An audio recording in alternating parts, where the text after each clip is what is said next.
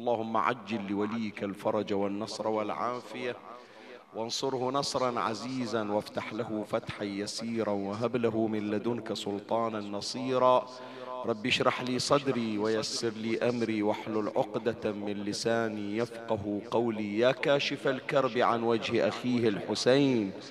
اكشف كربي بجاه أخيك الحسين. نادي عليا مظهر العجائب تجده عونا لك في النوائب. كل هم وغم سينجلي بولايتك يا علي. يا علي يا علي يا أبا الغوث أغثني. يا فارس الحجاز أدركني بلطفك الخفي ولا تهلكني. يا مولاتي يا فاطمة بنت محمد أغيثيني يا سيدتي. صلى الله عليك يا سيدي ويا مولاي يا رسول الله.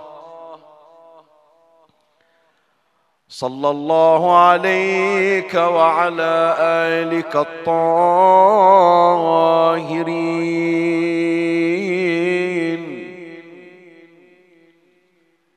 فاز من اعتصم بكم وامنا من لجأ إليكم يا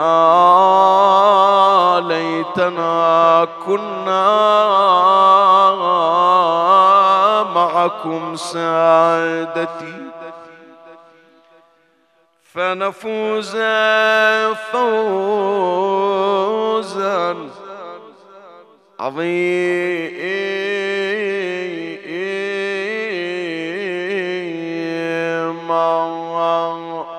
أعوذ بالله من الشيطان الرجيم. بسم الله الرحمن الرحيم. ضرب الله مثلا للذين كفروا امرأة نوح وامرأة لوط كانتا تحت عبدين من عبادنا صالحين. كانتا تحت عبدين من عبادنا صالحين فخانتاهما فلم يغنيا عنهما من الله شيئا. وقيل ادخلا النار مع الداخلين. آمنا بالله. صدق الله مولانا العلي العظيم.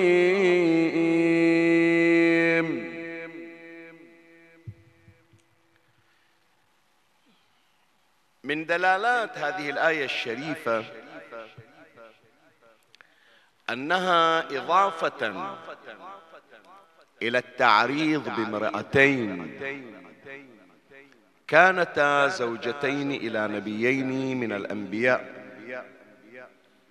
وهما نوح ولوط عليه عليهما وعلى نبينا وآله وعلى سائر الأنبياء والمرسلين آلاف التحية وأزكى التسليم.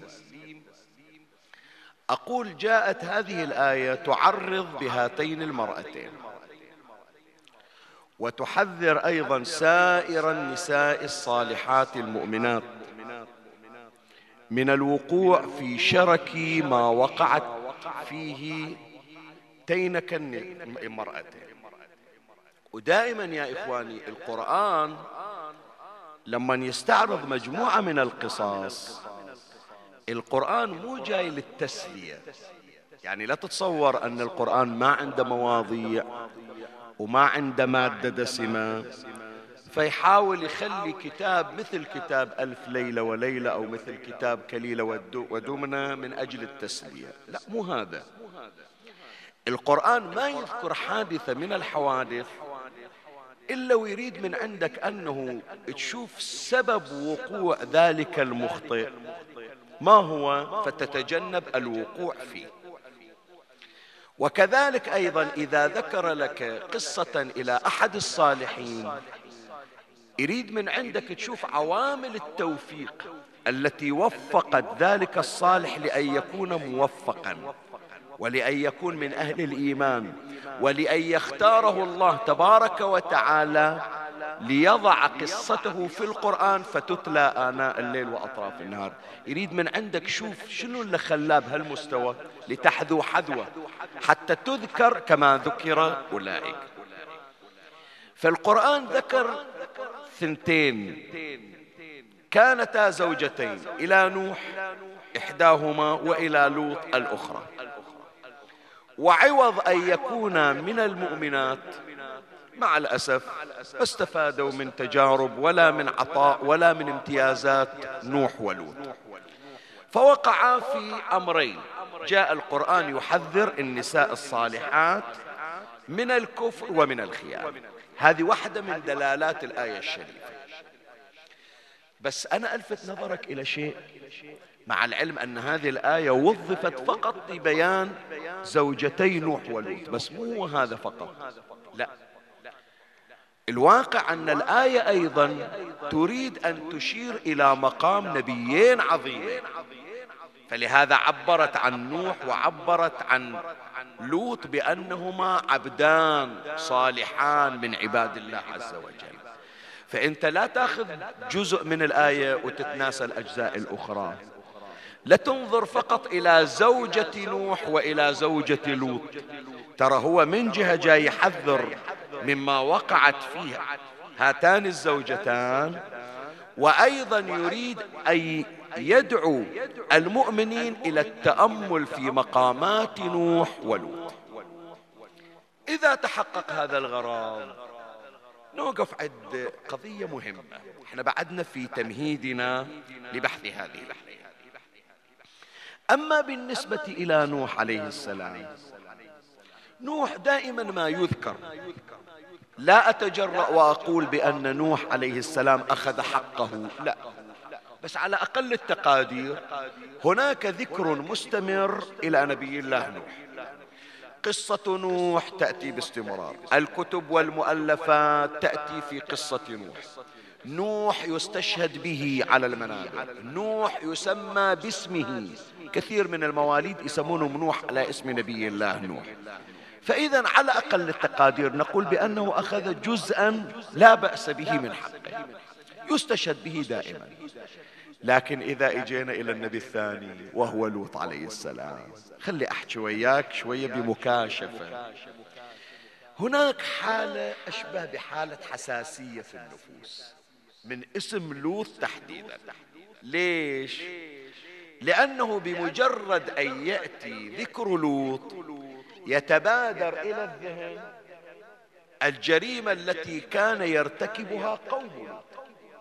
حتى الاسم في إشارة إلى الفعل المشين الذي كان يأتيه قوم لوط. فالنفوس غير مأنوسة بهذه الحالة.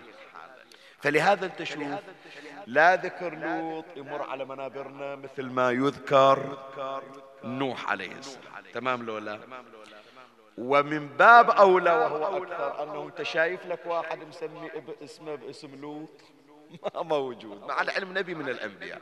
نعم تلقى لك اسم هود تلقى لك اسم شعيب تلقى لك اسم إبراهيم بكثرة اسم خليل اسم إسماعيل اسم كل الأنبياء. والأكثر هو اسم نبينا محمد صلى الله عليه وآله. صل على محمد وآل محمد. بس من نوقف عند هذا النبي العظيم اللي يصفه القرآن بأنه من العباد الصالحين. لا يتوقفون الناس يتوقفون. أنا يمكن في تتبعي يمكن شفت فقط يمكن أهل السودان. وبعض المناطق الإفريقية يسمون باسم حتى في التاريخ القديم للمسلمين قليل الذي يسمي بهذا الاسم. كأنما في حالة امتعاض ونفور يتذكرون ذاك الموقف وما يحبون أنه يستحضرون بمجرد ذكر اسم نبي الله لوط. ألفت نظرك إلى شيء؟ إن تكون أنه يصير عندك نفور من العمل القبيح الذي كان يأتيه قوم لوط هذا شيء مطلوب. أصلا القرآن ليش جايب قصة لوط؟ وليش جايب الموقف الذي جرى معه مع قومه الشاذين؟ هو يريدك أنه أنت تنفر من هذا من هذا المسلك ومن هذا العرف ومن هذا الخلق السيء البذيء. يريد من عندك الحالة لكن لا تصير حالة النفور. على حساب التعرف على مقامات النبي. بما إلى ذنب. بالعكس لما يجي القرآن يصف لوط عليه السلام بمجموعة من الصفات الراقية كما سيمر إن شاء الله في بيان امتيازاته. هذا بالعكس هذا يدعوك ويحثك كما نفرت من فعل قوم لوط أن تتمسك بفعل لوط نفسه وأن تتعرف عليه. فلهذا يا أحبتي حديثنا هذه الليلة راح نجي إلى قصة نبي الله لوط وإلى اختصاصاته. ما راح أجيب لك ما جرى في قومي لأنه أنا شخصيا أنفر من ذكر هذا الأمر وحتى التصريح به. حتى القرآن يا جماعة القرآن ما استخدم ألفاظ صريحة في بيان الخلق السيء. يعني في شيء يسمونه مراعاة إلى الذوق العام. ولا تنسى أنا دائما حريص في هالجانب يعني بعض الإخواني وأساتذتي يمكن يأخذ حريته ويقول بأن هذه مشكلة اجتماعية بحاجة إلى حل. بس يا أحبائي ترى مجالسنا ما تأخذ شريحة معينة من الناس. يعني أنت ما شايف لك مجلس فقط مراهقين أو فقط مثلا كهول. المجلس يحوي نساء ويحوي رجال ويحوي أطفال أصلا ما مر عليهم مثل هالأمور. فإذا أنا أدعو وأنا الأقل بضاعة بضاعتي مزجاة إلى أنه من جهة أنتقي اللفظ الملائم على المنبر هي واحدة. ثم أيضا بعض المشاكل الحساسة أختار إلها مجالات أخرى. إما بمجلس متخصص إما بندوة متخصصة إما بورشة عمل متخصصة. بس أقول لابد من مراعاة وجود شرائح كالأطفال الصغار. ينبغي أن نتحسس ونتورع ونتجنب ونختار الآلية الملائمة والألفاظ المناسبة لإيصال الفكرة وتحذير أبنائنا. وهذا فن ترى فن له مختصون وله مريد. حديثنا حول نبي الله لوط لا ما راح يمر على هذا الفعل المشين ولا على فعل قومه وإنما فقط أريد أبين لك مقام هذا النبي العظيم. إلا مع الأسف أخاف أقول أنه بخس حقه وقليلا ما يتعرض لشؤونه ولمميزاته فأنا أسعى إلى هذا الأمر. وأحاول أنه أبحث عن بعض الرؤى الحضارية اللي نحتاجها إحنا في سنة عشرين واحد وعشرين. محتاجين إلى بعض البنود التي يرتكز عليها لوط عليه السلام. فإذا عنوان بحثي لهذه الليلة نبي الله لوط عليه السلام من زاوية أخرى غير الزاوية المعتادة ما جرى من قومه وكيف واجههم لا أريد أذكر لك لوط من زاوية أخرى. هذا تلخيص وتمهيد لبحث هذه الليلة ومن الله أستمد العون والتوفيق. ومن مولاي أبي الفضل العباس المدد وألتمس منكم الدعاء وهدية إلى إمامنا صاحب العصر والزمان الحجة بن الحسن عجل الله فرجه الشريف وإلى أمه السيدة نرجس بنية قضاء الحاجة وإلى جدته الزهراء عليه السلام لاستضافتها في المجلس هذا الشريف ثلاثا بأعلى الأصوات صلوا على محمد وآل محمد.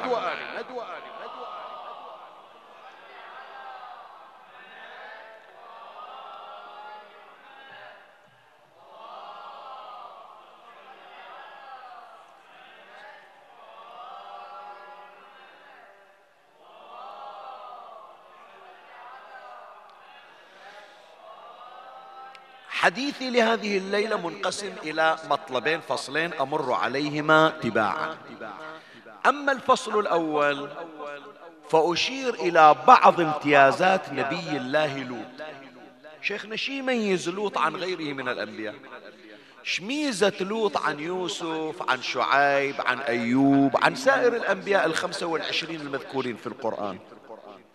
لا لوط النبي عليه السلام إلى امتيازات خاصة راح أمر إن شاء الله معكم على ذكرها أول ميزة من ميزات نبي الله لوط اشتراكه في المقام مع نبي الله نوح عليه السلام. شوف القرآن في هذه الآية قلت لك مو جاي بس يعرض بزوجتيهما بزوجة نوح وزوجة لوط لا أشرك لوط مع نوح. زين. وهذه الشراكة شنو يعني؟ الشراكة تعرف حجمها إذا علمت حجم أحدهما. إذا عرفت من هو نوح تعرف حجم لوط الذي أدرج الله تبارك وتعالى وأردف ذكره مع ذكر نوح عليه السلام. خلي في البداية أبين لك من هو نوح عليه السلام. أولا نوح أول نبي من أولي العزم. إحنا عندنا الأنبياء سادتهم خمسة يسمون بأولي العزم أولهم نوح وثانيهم إبراهيم الخليل وثالثهم موسى الكليم ورابعهم عيسى المسيح وخاص وخامسهم رحمة العالمين نبينا محمد صلى الله عليه وآله.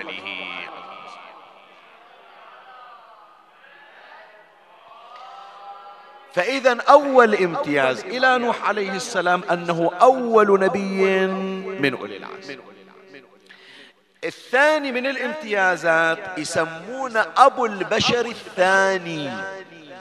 أبو البشر الأول أبو البشرية الأول من هو؟ نبي الله آدم.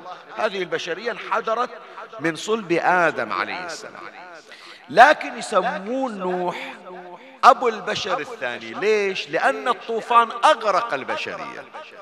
ثم قام نوح بعد ذلك بتكوين بشرية أخرى عهد آخر جيل ثاني من أجيال البشرية. بعد أن أفنى الطوفان البشر الكافرين والعاصين أنجى نوح في, سبي في سفينته 313 هم أنصار نوح عليه السلام. وابتدأ عهد جديد للبشرية من نوح عليه السلام فيسمون نوح بشنو؟ أبو البشرية الثاني إشارة إلى أبي البشرية الأول وهو آدم. خلي شوية مدام مرينا لأن هذا الشهر هو شهر الله وشهر أمير المؤمنين علي بن أبي طالب عليه السلام. بعض علمائنا يحلو له يقول إذا كان نوح عليه السلام أبو البشرية الثاني فعلي بن أبي طالب أبو البشرية الحقيقي. إذا نوح عليه السلام صنع بشرية أجساد فعلي عليه السلام صنع بشرية قلوب. أبوان الأجساد هذان الأبوان آدم ونوح. وأبوا القلوب أنا وأنت يا علي أبوا هذه الأمة. هذه يجيبونها من أوجه الشبه بين أمير المؤمنين عليه السلام وبين نوح عليه السلام. أن نوح عليه السلام هو أبو البشرية للأجساد الثاني وعلي بن أبي طالب أبو البشرية الثاني للقلوب. علي يرب قد تقول لي شيخنا علي بن أبي طالب أبو الشيعة. أكو بعضهم ما ي... إيه تعال شوف عمي الذي يتغذى من أخلاق علي. ما ينظر شنو مذهبه وشنو دينه. علي للبشرية عامة بول السلامة يقول جلجل الحق في المسيح حتى عد من فرط حبه علويا لا تقل شيعة ولاة علي إن في كل منصف شيعية. يا سماء اشهدي ويا أرض قري إنني اليوم أحب عليا صلوا على محمد.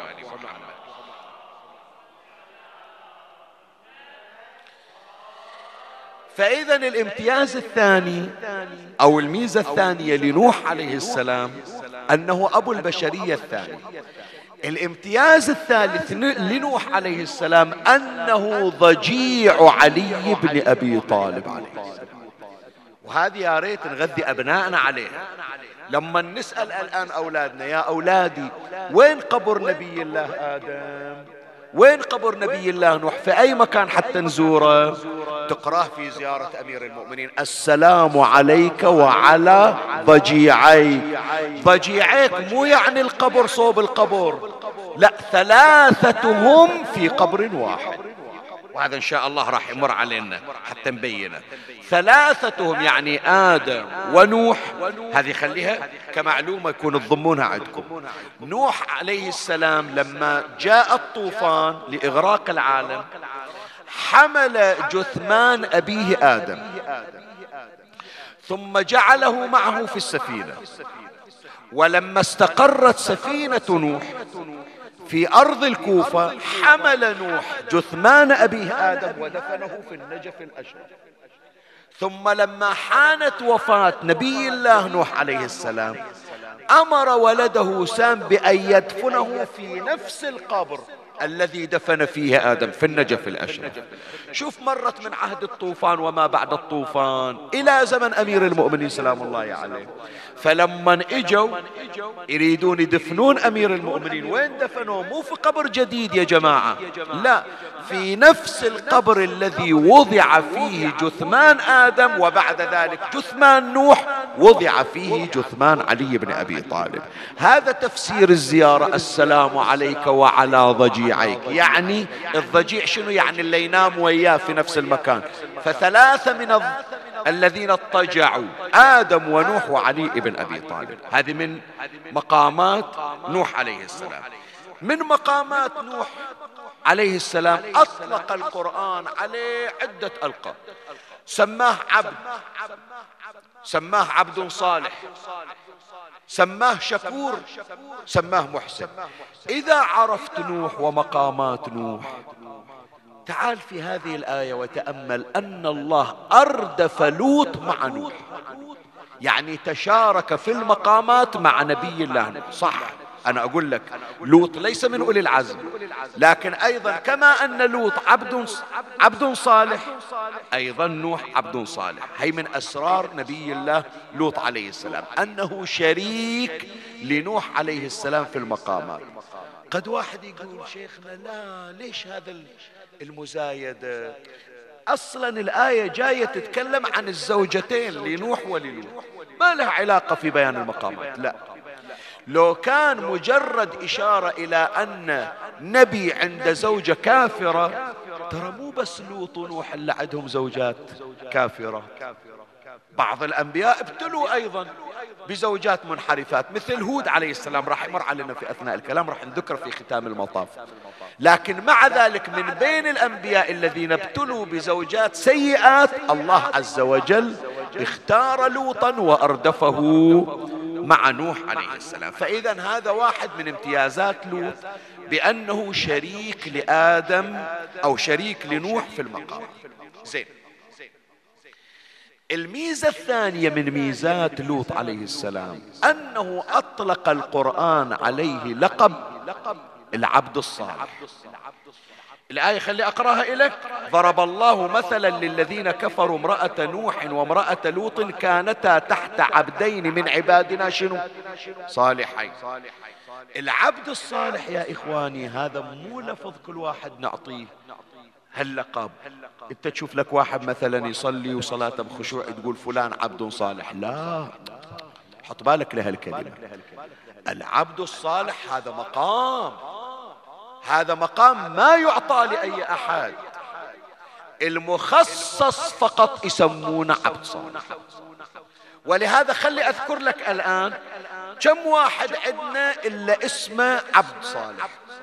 إلا علامة أنه عبد صالح. أول شخص يطلق عليه أنه العبد الصالح من هو؟ أمير المؤمنين علي بن أبي طالب.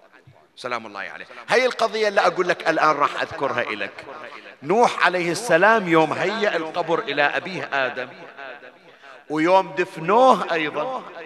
ثم بعد هذا كما ستسمع بعد ليال يسيرة جيء بنعش أمير المؤمنين عليه السلام. أمير المؤمنين كان موصي صلوات الله عليه الإمام الحسن. قال ثم ضع السرير وحركه أو قال فزحزحه فستجد قبرا محفورا وساجة منقوبة ولحدا مثقوبة مكتوب عليه هذا ما ادخره نوح النبي شاهدنا هنا. إلى شنو؟ إلى العبد الصالح علي بن أبي طالب قبل الطوفان بسبعمائة عام. يعني القبر الأساسي اللي كان إلى آدم مجهز من سبعمية سنة قبل الطوفان ومجهزنا ومرتبنا ويشرف عليه نوح. فمن إجوا إلى أمير المؤمنين يدفنونه؟ شافوا بأن لقب علي بن أبي طالب عليه السلام العبد الصالح صلى الله عليه وسلم. زين. أيضا من ضمن إلا أسماءهم وألقابهم ومقامهم العبد الصالح منه إمامنا موسى بن جعفر الكاظم صلوات الله اسمه العبد الصالح. وهذه معلومة خلوها عندكم تستفيدون من عندها. مرات تجون إلى الروايات تشوف في الرواية قال العبد الصالح. منو العبد الصالح؟ علي الرضا زين العابدين. منو هو علي بن أبي طالب العبد الصالح هو العبد الصالح. بس من تجي في الرواية قال العبد الصالح؟ عند الرواة يعرفون يعني هذا الحديث عن الإمام موسى بن جعفر الكاظم صلوات الله عليه. يعني. هذا الثاني من العباد الصالحين الثالث من العباد الصالحين منه هو الخضر. الخضر في قضية موسى الكليم مع فتاة لما إجوا. القرآن يشير فوجد عبدا من عبادنا آتيناه رحمة من عندنا وعلمناه من لدنا علما. فلهذا العلماء من يجون للخضر يقولون شنو رتبته ناس يقولون نبي؟ إلا ما يقول أن الخضر نبي يقول على أقل التقادير أحسن. عبد صالح مثل ما لوط عبد صالح مثل ما نوح عبد صالح. فهذا الثالث. زين. الآن هذه تشرح صدرك أكثر. منو عندنا بعد من عرفنا أن علي عبد صالح الخضر عبد صالح نوح عبد صالح لوط عبد صالح؟ منو عندنا بعد عبد صالح؟ أحسن. تقرأ في زيارة العباس عليه السلام السلام عليك أيها العبد الصالح. من توقف إن شاء الله الله يعطينا ويرجعنا إلى كربلاء إن شاء الله قريبا. ومن تزور العباس عليه السلام هناك وتوقف الليلة أريدك تتأمل في هالعبارة وأنت تخاطب العباس. إن شاء الله تقول للعباس أنه العبد الصالح مثل أي واحد تشوفه خير ما صدر من عنده خطأ. لا. هذه مقامات تعطى للأنبياء. من تسلم على العباس أنه عبد صالح السلام عليك أيها العبد الصالح. اتذكر نوح النبي اتذكر الخضر اتذكر لوط اتذكر أمير المؤمنين اتذكر موسى ابن جعفر وهذا المقام اشترك معهم منه أبو الفضل العباس. منو عندنا غير العباس أيضا؟ نفس الزيارة تنطبق على منو؟ على باب الحوائج مسلم ابن عقيل عليه السلام الليلة أتمنى من عندكم يا أحبائي أينما كنتم عندنا بالمأتم أو عبر البث. الليلة افتحوا مفاتيح الجنان. وشوفوا زيارة وارث وتعالوا إلى زيارة العباس. اقرأوا زيارة العباس سلام الله عليه. يعني. ومن تخلصون روحوا إلى أعمال مسجد الكوفة إلى زيارة مسلم ابن عقيل وهاني ابن عون. سبحان الله. نقش الزيارة زيارة مسلم هي زيارة العباس. فقط شيل اسم مسلم خلي العباس. الثالث اللي عنده مقام العبد الصالح تدري منه بعد؟ هذا مع الأسف إحنا مقص مقصرين ومقلين في زيارته. يمكن حتى بعض من أولاده أول مرة يسمع. المدفون في طهران من هو؟ شاه عبد العظيم الحسني. الشاه عبد العظيم الحسني هم الليلة شوف في زيارته. أيضا تخاطبه بالسلام. السلام عليك أيها العبد الصالح. شي يقول شيخ ياسين؟ شاه عبد العظيم هذا العبد الصالح مثل نوح مثل لوط مثل أمير المؤمنين مثل الخضر مثل العباس. نعم في زيارته. ولهذا تستغرب تستغرب من تجي تشوف زيا من زار عبد العظيم. في الري كان كمن زار الحسين في كرب الله أكبر. شيء غريب يا إخواني عشان عبد العظيم الحسني ثقة الأئمة صلوات الله عليه. زين فإذا إجينا عرفنا دول العباد الصالحين وعرفنا مقام العبد الصالح نشوف أن لوط يدرج اسمه مع نوح مع الخضر مع أمير المؤمنين مع موسى ابن جعفر صلوات الله عليه مع أبي الفضل عباس مع مسلم ابن عقيل مع شاه عبد العظيم. يذكر أيضا منه النبي نبي الله لوط عليه السلام. هذا الامتياز الثاني. الامتياز الثالث وهذا قلت لك من أقول لك أنه راح نتكلم عن لوط من زاوية أخرى. ما أجيب لك قصة إيش سوى وجماعته ما إلي شغل فيها. بس أنا أقول لك تدري بأن لوط عليه السلام صار سببا لبشارات جاءت إلى إبراهيم الخليل. إبراهيم الخليل 120 سنة عمره ما عنده ذرية. سار زوجته وهي تصير أخت له في الروايات عندنا بأن سارة زوجة إبراهيم وأم إسحاق النبي يعني جدة يعقوب جدة يوسف الصديق سارة هذه أخت نبي الله وهما أبناء خالة يعني لوط وسارة أبناء خالة مع إبراهيم. بعضهم يقول أن ابن عمه. سارة عمرها مية سنة. ما تنجب عندها عقم. إبراهيم عمره 120 سنة هم ينجب. صار لوط عليه السلام بركة عليهم. فلهذا شوف القرآن يشير. فلما رأى أيديهم منه إبراهيم من قدم لهم العجل إلى الملائكة اللي رايحين إلى لوط من أجل خسف قومه فلما رأى أيديهم لا تصل إليه نكرهم وأوجس منهم خيفة. قالوا لا تخف إنا أرسلنا إلى قوم لوط. إحنا رايحين إلى لوط بس مسيرين عليك. فإحنا إجينا عرضا حتى نراويك بركة ابن خالتك لوط شلون؟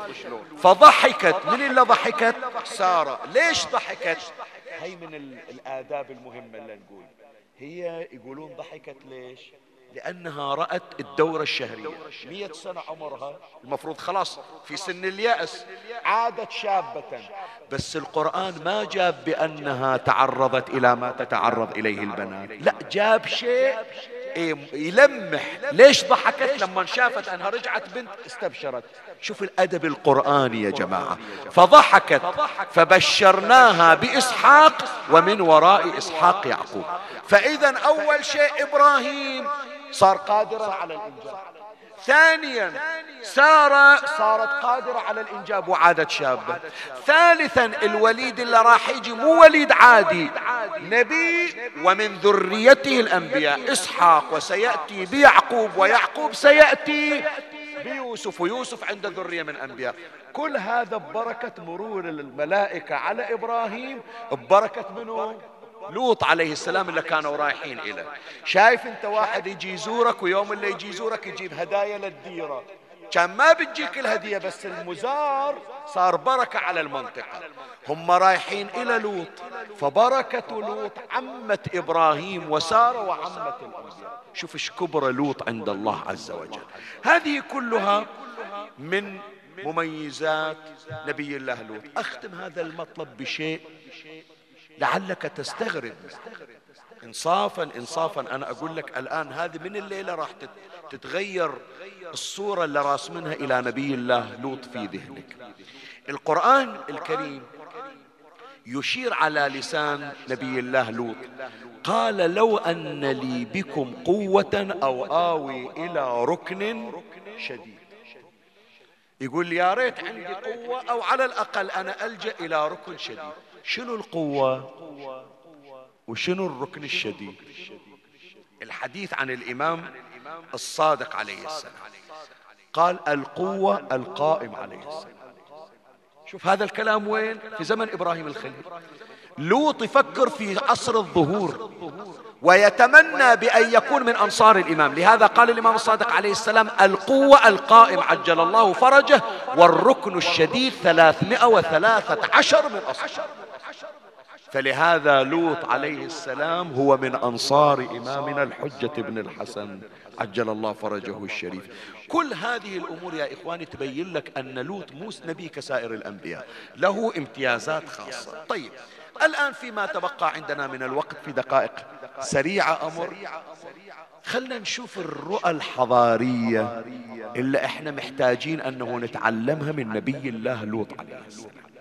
أنا أقول أكو كثير من عندنا لا يرى لنفسه أنه مستعد للالتزام والتوجه إلى الله عز وجل إلا إذا اختار له مكانا خاصا للعبادة.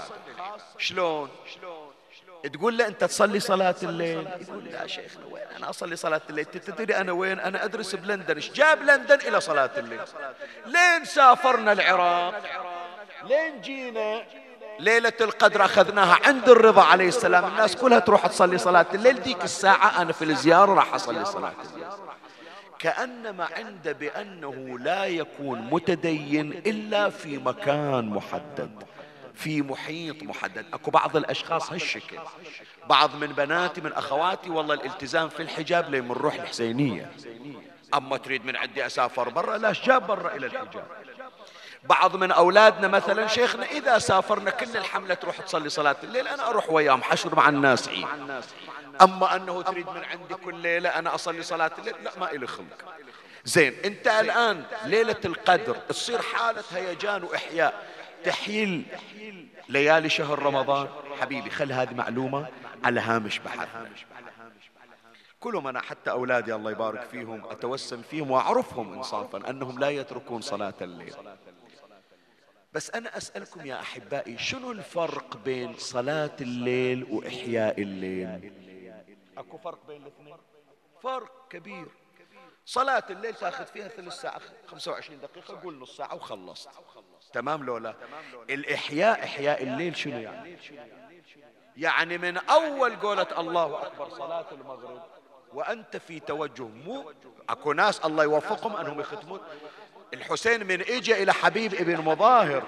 قال رحمك الله يا حبيب فقد كنت عالما تختم القرآن في ليلة واحدة. شوف التوفيق شلون هذا إحياء.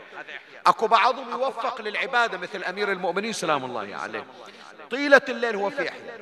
أنت ما تقدر تصلي طول الليل ولا تقدر تختم القرآن طول الليل. تكتفي بجزئين ثلاثة.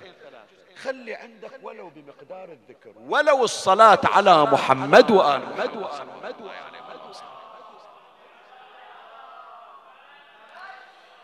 فيسمونك ويا صلاة الليل أحييت الليل. المطلوب اللي أكثر من صلاة الليل إحياء الليل يا إخواني. زين بعضهم يقول شيخنا أنا أحيي ليلة القدر.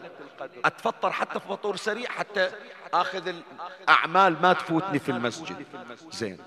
أجي لك ليلة 29 شهر رمضان. لا شيخنا القدر خلصت. ليلة واحدة من العمر. لا. الإقبال على الله ليس مختصا لا بمكان ولا بزمان. وهذا درس ناخذه من لوط عليه السلام. شوف أقول لك الكلمة يمكن تتفاجأ من عندها. مر عليك حتما لكن فقط تأمل فيها. فآمن له لوط وقال إني مهاجر إلى ربي. إنه هو العزيز الحكيم. مهاجر يا لوط وين بتروح؟ مكة طوف وين بتروح؟ إلا مهاجر إلى ربي. بيروح إلى ديرة هذا اللي تعرف عنه إلا فيها الانحرافات الأخلاقية. أنت تقول شيخنا أنا رايح إلى مكان الله يجيرك المعاصي فيها وين أنا أهاجر إلى ربي؟ لوط يقول لا مو المكان اللي يصنع الإنسان الإنسان يصنع. الإنسان المتدين لو وين تخليه اسمعش أقول لك احفظ لو وين تخلي الإنسان المتدين؟ يمكن أنت تشوف لك واحد عامل يمكن حارس أمن واقف في مكان كل انحرافات عوض أن يتأثر بالانحراف هو يكون عامل مساعد في الاستقامة ويصير سبب لهداية الناس. هذا تفضل هو. لوط عليه السلام. قال هذا التحدي التحدي مو أقعد ويا أنبياء وأعبد الله مثل ما يعبدون الله لا. التحدي الأكبر أروح إلى أناس عصاة وأستخرج منهم أناس أطهار. وإذا تريد تاكد على هذا المعنى يا أحبائي تعال إلى باب الحوائج موسى بن جعفر صلوات الله وسلامه عليه. خلاص راح نختم الآن ما بقى عندنا شيء. في نهاية المطاف الإمام الكاظم عليه السلام من إجوا أخذوه مقيد. اخذوه من وين؟ اخذوه من روضة جده النبي صلى الله عليه وآله الروضة اللي الصلاة فيها تعادل عشرة آلاف صلاة. يوم جابوه إلى بغداد إلى سجن السندي ابن شاهد. تدري دعاء الإمام الكاظم شي يقول؟ اللهم إني كنت قد سألت أن تفرغني لعبادتك وقد فعلت اللهم فلك الحمد. زين هم جايبينك من الروضة. انت هناك تصلي في مسجد النبي. الآن شو يسوي لك السجن؟ إلا تقول أريد أتفرغ للعبادة. المفروض هناك تتفرغ للعبادة. بس يقول الإمام الكاظم عليه السلام هذا هو الفن. الفن أن تصنع من مكان المعصية مكانا للعبادة والطاعة شوف أهل البيت عليهم السلام. جابوا الإمام الهادي في خان الصعادة جابوا الإمام في بركة السباع ودوا الإمام الكاظم إلى السجون من البصرة إلى وكل مكان كان أهل البيت يحولون العصاة فيه إلى أناس أتقياء ورعين هي هذه الشطارة. لا تقول لي شيخنا رحت أدرس برا وانقلبت. الفن أنه تروح برا وتكون تحمل معك ما يدعوك له أهل البيت.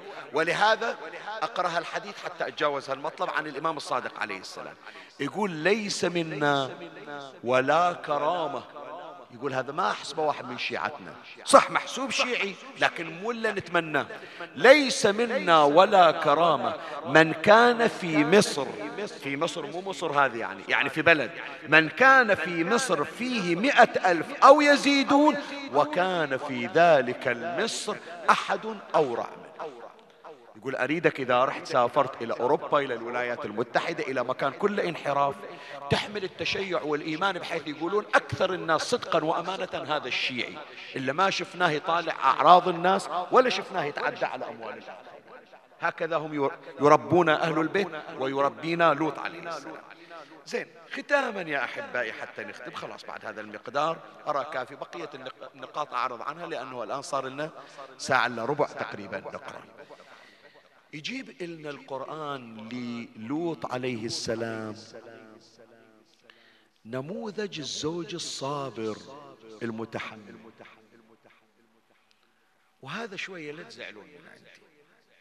يعني أتمنى الليلة مو تسمعوني بآذانكم تسمعوني بقلوبكم. أنا شقد أتأذى من نسمع عن قضايا؟ إلى أناس رواد حسينيات رواد مساجد. رواد حج رواد عمرة رواد زيارة رواد أربعينية. لكن يوم اللي يصير عنده خلاف ويا زوجته يوم اللي الأمر يوصل إلى الطلاق ما يتعامل بمنطق الحسينية والمسجد. شلون؟ ما مر عليك تسمع أنت بعض القضايا أن شخص مثلا يؤذي زوجته ويهددها بأنه الصور اللي عندي راح أنشرها وسترك راح أهتكه ومن يوقف مثلا كذا بالمحكمة أو كذا إيه ليش تطلب الطلاق وتروح تتزوج واحد غيري؟ والله لا أراويها والله لا أراوي أسرتها والله لا أراوي عائلتها. زين وين تربية الحسينيات؟ وين تربية المساجد؟ وين تربية الزيارات؟ وين تربية الأضرحة؟ وين أكثر من خطيب كل ليلة يصعد المنبر؟ لو بس هي واقفة الحكايات على الآذان ما توصل إلى القلب. ليش ما ناخذ يا إخواني من سير المعصومين عليه شيخنا أنت لو تدري إيش سوت لو أدري إيش سوت أنا أريدك ما تتعامل من حيث هي. تتعامل من حيث أنت. هذا نبي الله لوط عليه السلام. تفضل امرأته كافرة القرآن يشير مو شيخ ياسين. لكن هل سمعت بأنه تلفظ عليها بلفظ سيء؟ أبدا. أذكر لك قضية من أغرب القضايا. أذكر لك قضية من أغرب القضايا. نبي الله هود عليه السلام. شوف إحنا ذكرنا ضجيعي أمير المؤمنين ونذكر جيرانه. السلام عليك وعلى ضجيعيك آدم ونوح وعلى جاريك منه هود وصالح. وين قبر هود؟ بمقبرة الغنم. حتى تعرف شلون حصل هود على هالمرتبة. مرتبة أن يكون جار علي بن أبي. طالب يوم من الأيام جايين جماعة إلى هود عليه السلام. هود مجرب. إذا أكو قحط ما ينزل مطر يجون إلى هود يقولون له ادعوا لنا ربك بأن ينزل علينا المطر. فإجوا. هذه شغلتني ما أدري إيش ويانا عند المنبر. صلوا على محمد وآل محمد. شوف سكت الحين طارت. من بدي قراي ترد ترجع. اللهم صل على محمد وآل محمد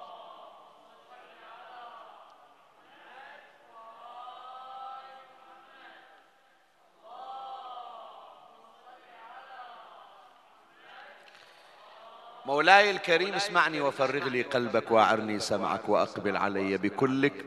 اجوا إلى هود قالوا له إلى منطقة وين بيت هود؟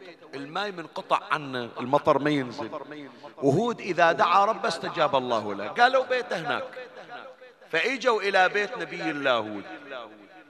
طلعت لهم امرأة عجوز. يصفونها في الروايات أنها شمطاء يعني قبيحة المنظر. هم من شافوها بعد تأثروا من منظرها قالوا لها وين نبي الله هود؟ قالت لا عدنا هود ولا عدنا نبي. قالوا بلى مدلينا إلى البيت. وقالوا لنا بأن هذا البيت هو بيت نبي الله هود وهود مجرب. إذا صار قحط بس يدعي الله ينزل المطر. قالت لا يقصون عليكم لا يخدعونكم. شنو المطر؟ يشيل إيده يدعو الله ينزل مطر. هذا كله كذب. شوية وإذا هود طلع من المنزل.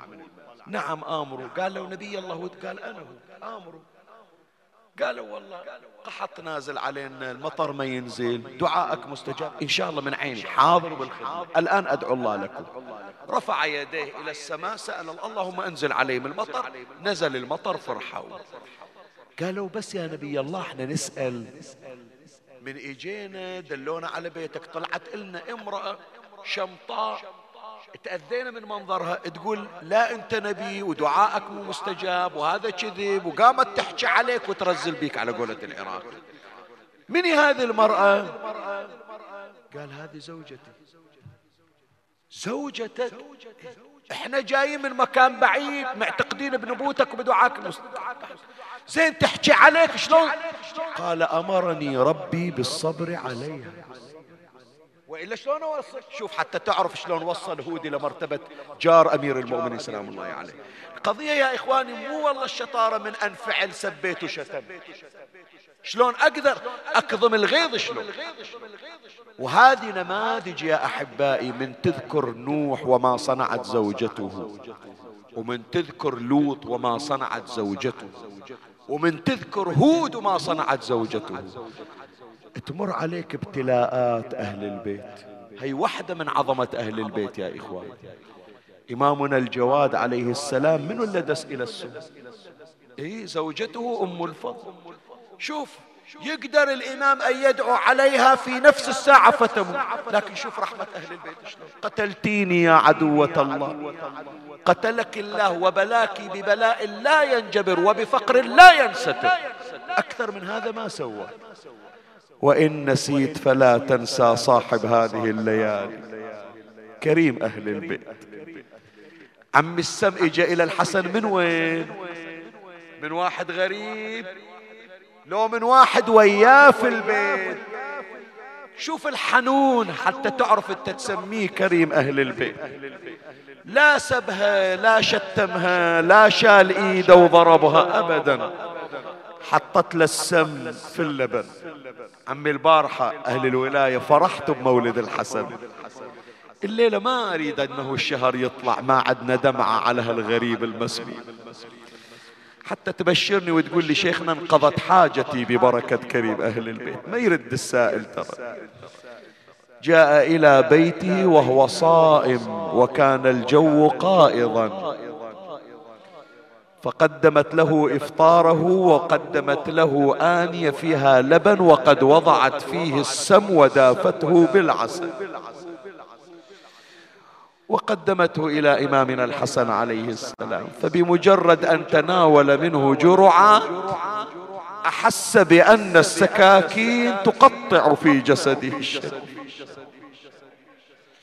شوف الحنون شوف الحنون شلون. شال راسه إلها قال قتلتيني. شو مسوي بي؟ أذيتي قلب أمي فاطمة.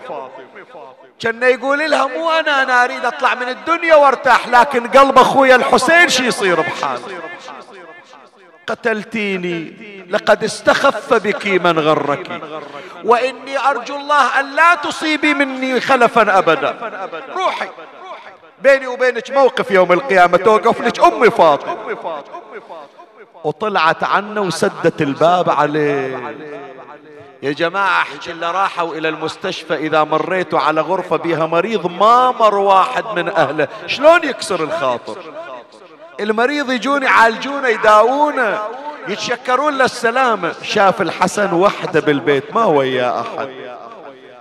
قال عندي وحدة حنونة. عندي وحدة شفيقة. أنا تيتمت من أمي وعمري سبع سنين. لكن صارت أختي زينب هي الأم وهي الأخت. فهنالك مضى إلى دار أخته زينب. الأخ الحنون ما يريد يأذي أخته. لكن لما جاء إلى دارها نظرت مولاتي زينب إليه وقد اخضر لونه ووضع يده على بطن هي إجت إلى بكل حنان شبكت عليه بيديها. أبو محمد خير إيش صاير بك؟ قال أخي زينب افرشي لي فراش. لتحكين وياي ترى ما أقدر أحكي. ما قصروا بي بعد. حطت له الفراش واضطجع الإمام الحسن وأخذ يتقلب يمينا وشمالا. أويلي. أبو محمد ما تجاوبني؟ أبو محمد ما تحكي وياي؟ واحد عزيز على قلبك إذا شفته راح تحكي له فمضت مولاتي زينب إلى الحسين. أبو علي قوم قوم شوف الزمن إيش سوى بينا يا حسين. إيش صاير يا زينب؟ قال لها قالت له قوم بعجل سند لأخوك الحسن يا حسين. والله فجع قلبي. هل مسجبلوني أويلي يا حسين لا تغفل ترى مسافر عضيدك. كأني اشوفه بهالمرض رايح من إيدك كثر البكا والنوح بعده. ما يفيدك بطل الولا وظل علينا يدير بالعين. أويلي قام الشهيد ودمعته بخده جرية. عاين عضيده يطوح الونه خفية قال له يا أبو محرية وقال له يا أبو السجاد خويك طعيت مع السلامة يا حسين هالسفر لاوي اويلي يقول له يا نور العين لا تبكي ولا تنوح. أنا على معزة عالج طلعت الروح. وانت وانت تظل بكربلاء بالشمس. مطروح مرمي على التربان لا راس وليده أبو علي أريد من عندك حاجة واحدة. بس خلي أختي زينب تطلع. ما أريد أحد يشوفني إيش أسوي. قال لها زينب قومي طلعي خلي أشوف إيش عند اخويا الحسن. طلعت زينب التفت الحسن إليه. أخي حسين قرب إلي الطشت قرب الطشت إلى أخيه الحسن. أشرف الحسن على الطشت فألقى قطعا من كبده في الطشت. زينب واقفة على الباب أبو علي أدخل له أظل واقفة. ولا دخلت عليه وعاينت ليلوج وحده. عند أخوه حسين دمع فوق. خده آمر عضيده يشيل طشت البي كبده شيله يا خويا لا تشوف الهاشمي. سمعني صوتك هذا الحسن. شيل الطشيت خوف الوديعة تشوف كبدي خوفت واللو من بجاه يزيد وجدي. هذه وديعة والدي حيدر. وجدي ما أقدر أشوف دموعها بخده جريح يلا ون ون حسنية قام الشهيد ودمعته بخده يهلها. قام الشهيد ودمعته بخده يهلها بوصيك يا ابن أمي عقب عيني يكفلها تبقى تراهي ضايعة وطايح حملها. تنظر جنايزكم براض الغاضري إلى الأخت الحنونة اللي راحت المستشفى وشافت أخوها يتلوى على الفراش. صدت لن تشوف طشت ممتلي دم. شافت قطع كبد الحسن متقطع بسايم. صرخته فوق الوجه والراس. طلطوم كبدك يا خويا مقطعة وتخفي علي. مجلس ولا كأنما من شهر رمضان. كأنما مجلس من مجالس الأربعين وأيام شهادة الحسن. بس كلمة الدعاء أسألك الدعاء. إذا عندك حاجة أطلب حاجتك. طشت شافته زينب. وعندها أخوان اثنين انكسرت قلوبهم على أختهم. ما رادوها يشوف طشت واحد. بسرعة الحسين غطى الطشت وشالوا وداه بالزاوية. وإجت زينب وكشفت الطشت. كل ما تريد تشوف إيش صاير بي يجر الحسين. دارت على زينب يا جماعة عشر سنين. شاف الطش الثاني. الطشت الثاني ما في قطع من كبد. لا تدرش بيه؟ رأس الحسين. عمي أهل أبو صيبع أنتوا أهل الولاية. أنتوا اللي تعلمون الخطيب مو الخطيب اللي يعلمكم. أقول لكم الطشت اللي بيه كبد الحسن باعدوه عن زينب.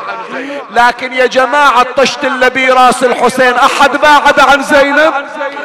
الطشت الذي فيه راس الحسين يضرب بخيزرانه ويكسر أضراس.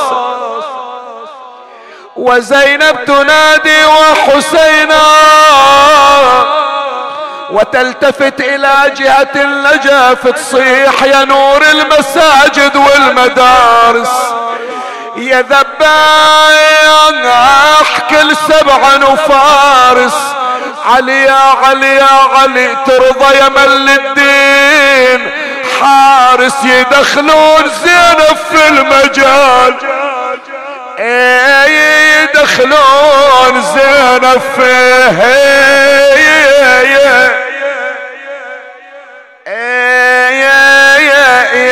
المجال يسب أبوها عند سلب قناعها. ولا ستر إلا ساعد وزنود. يا الله. اللهم صل على محمد وآل محمد. اللهم سلمنا لشهر رمضان وسلمه لنا وتسلمه منا. فلا ينقضي عنا إلا وقد غفرت لنا. اكتبنا فيه من عتقائك من نار جهنم. عجل فرج إمامنا صاحب العصر والزمان. شرفنا برؤيته وارزقنا شرف خدمته. ارض اللهم قلبه عنا فإن في رضا قلبه رضاك. ترحم على أموات وأموات الباذلين والسامعين والمؤمنين. في مشارق الأرض ومغاربها أوصل لهم ثواب هذا المجلس. وبلغهم ثواب الفاتحة مع الصلوات.